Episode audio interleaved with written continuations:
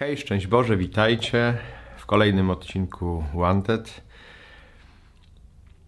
Przyznam, że o tym chciałem Wam opowiedzieć od początku tej serii i trochę się wahałem, dlatego że właśnie pierwszy odcinek był o siostrach zakonnych, potem o sobie mówiłem, o swoim doświadczeniu powołania, a teraz znów bym powiedział o siostrze zakonnej.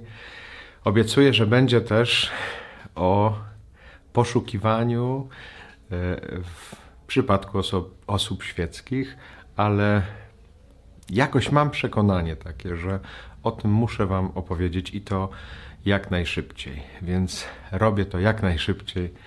E, mogę, jak najszybciej się mogłem zdecydować. To było na jednych rekolekcjach e, dla sióstr zakonnych i przyszła do mnie w pewnym momencie jedna siostra i powiedziała: Chcę powiedzieć ojcu coś bardzo szczerze. Nie wiem, jak ojciec to odbierze, ale ojciec jest chyba jedyną osobą, którą, której mogłabym to opowiedzieć. Bo ja jestem w swojej wspólnocie znana jako taki cynik, e, który nawet z najświętszych rzeczy potrafi albo zażartować, albo je jakoś spłycić. Mm, nikt mnie nie bierze w tej wspólnocie poważnie, a na pewno nie wziąłby poważnie y, mojej opowieści o doświadczeniu z Panem Bogiem. Może to się nam wydawać dziwne w przypadku siostry zakonnej, ale siostry to też są po prostu ludzie i mają swoje trudności, swoje problemy, także, a może przede wszystkim e, ze swoją wiarą. I ona dalej mi opowiada. Przyznam, że niczego się e, nie spodziewałam po tych rekolekcjach. No tak mamy jako siostry, że musimy jakieś rekolekcje w ciągu roku wybrać dla siebie i uczciwie mówię, wybrałam akurat te, bo mi się jakoś wydawało, że ojciec po prostu będzie e, najmniej nudził, mówiąc krótko. Ale naprawdę niczego się nie spodziewałam. To już nie są moje pierwsze rekolekcje i bardzo wiele rekolekcji, można by powiedzieć, było rekolekcjami jałowymi. Nic się tam nie wydarzyło, Pana Boga jakoś nie doświadczyłam w żaden sposób. I powiem uczciwie, na progu tych rekolekcji, zaraz na początku, powiedziałam tylko jedno krótkie zdanie. Chciałabym Cię spotkać żywego. Tak powiedziałam do Pana Jezusa. Chciałabym Cię spotkać żywego. I wie ojciec co? Naprawdę nie wierzyłam, że to może się stać.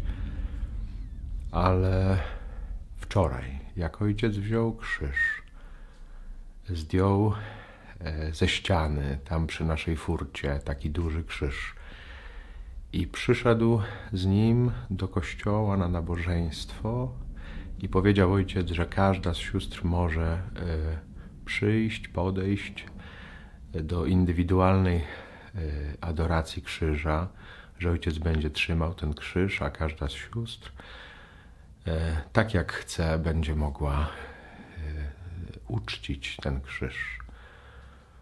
Czy przez, przez jakieś przytulenie, czy przez jakiś pocałunek, jakkolwiek, przez przyklęknięcie, oddanie pokłonu, tak jak czujemy w sercu.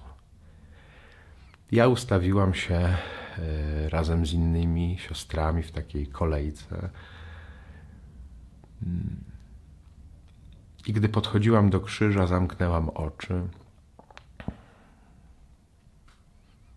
Wyciągnęłam rękę, dotknęłam e, pasyjki, czyli figury e, Pana Jezusa na krzyżu i poczułam E, że to była żywa noga. Że on był żywy. Ja nie musiałam otwierać e, oczu. Nie potrzebowałam tego. Przyjęłam to w wierze. I wiem, że to jest prawda. Dotknęłam go żywego. I chciałam to ojcu opowiedzieć, bo nie mam komu tego opowiedzieć. Siostry mi pewnie nie uwierzą, albo będą myślały, że znów żartuję. Może już nigdy nikomu tego nie opowiem.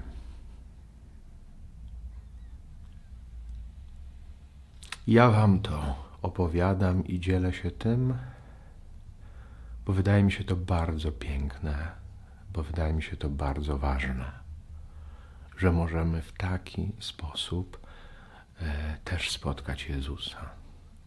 Że jeżeli mamy takie pragnienie w sercu, spotkać Go żywego, to to jest możliwe. Że On ma swoje sposoby na to, e, żeby nam się odsłonić, żeby nam się ukazać, tak żebyśmy uwierzyli. Może mnie też to jest bardzo bliskie, jako Tomaszowi. Dotknij mnie, włóż swoje palce w miejsce gwoździ, dotknij mnie, włóż swoją rękę do mego boku i nie bądź niedowiarkiem, ale wierzącym. Nie bądź cynikiem,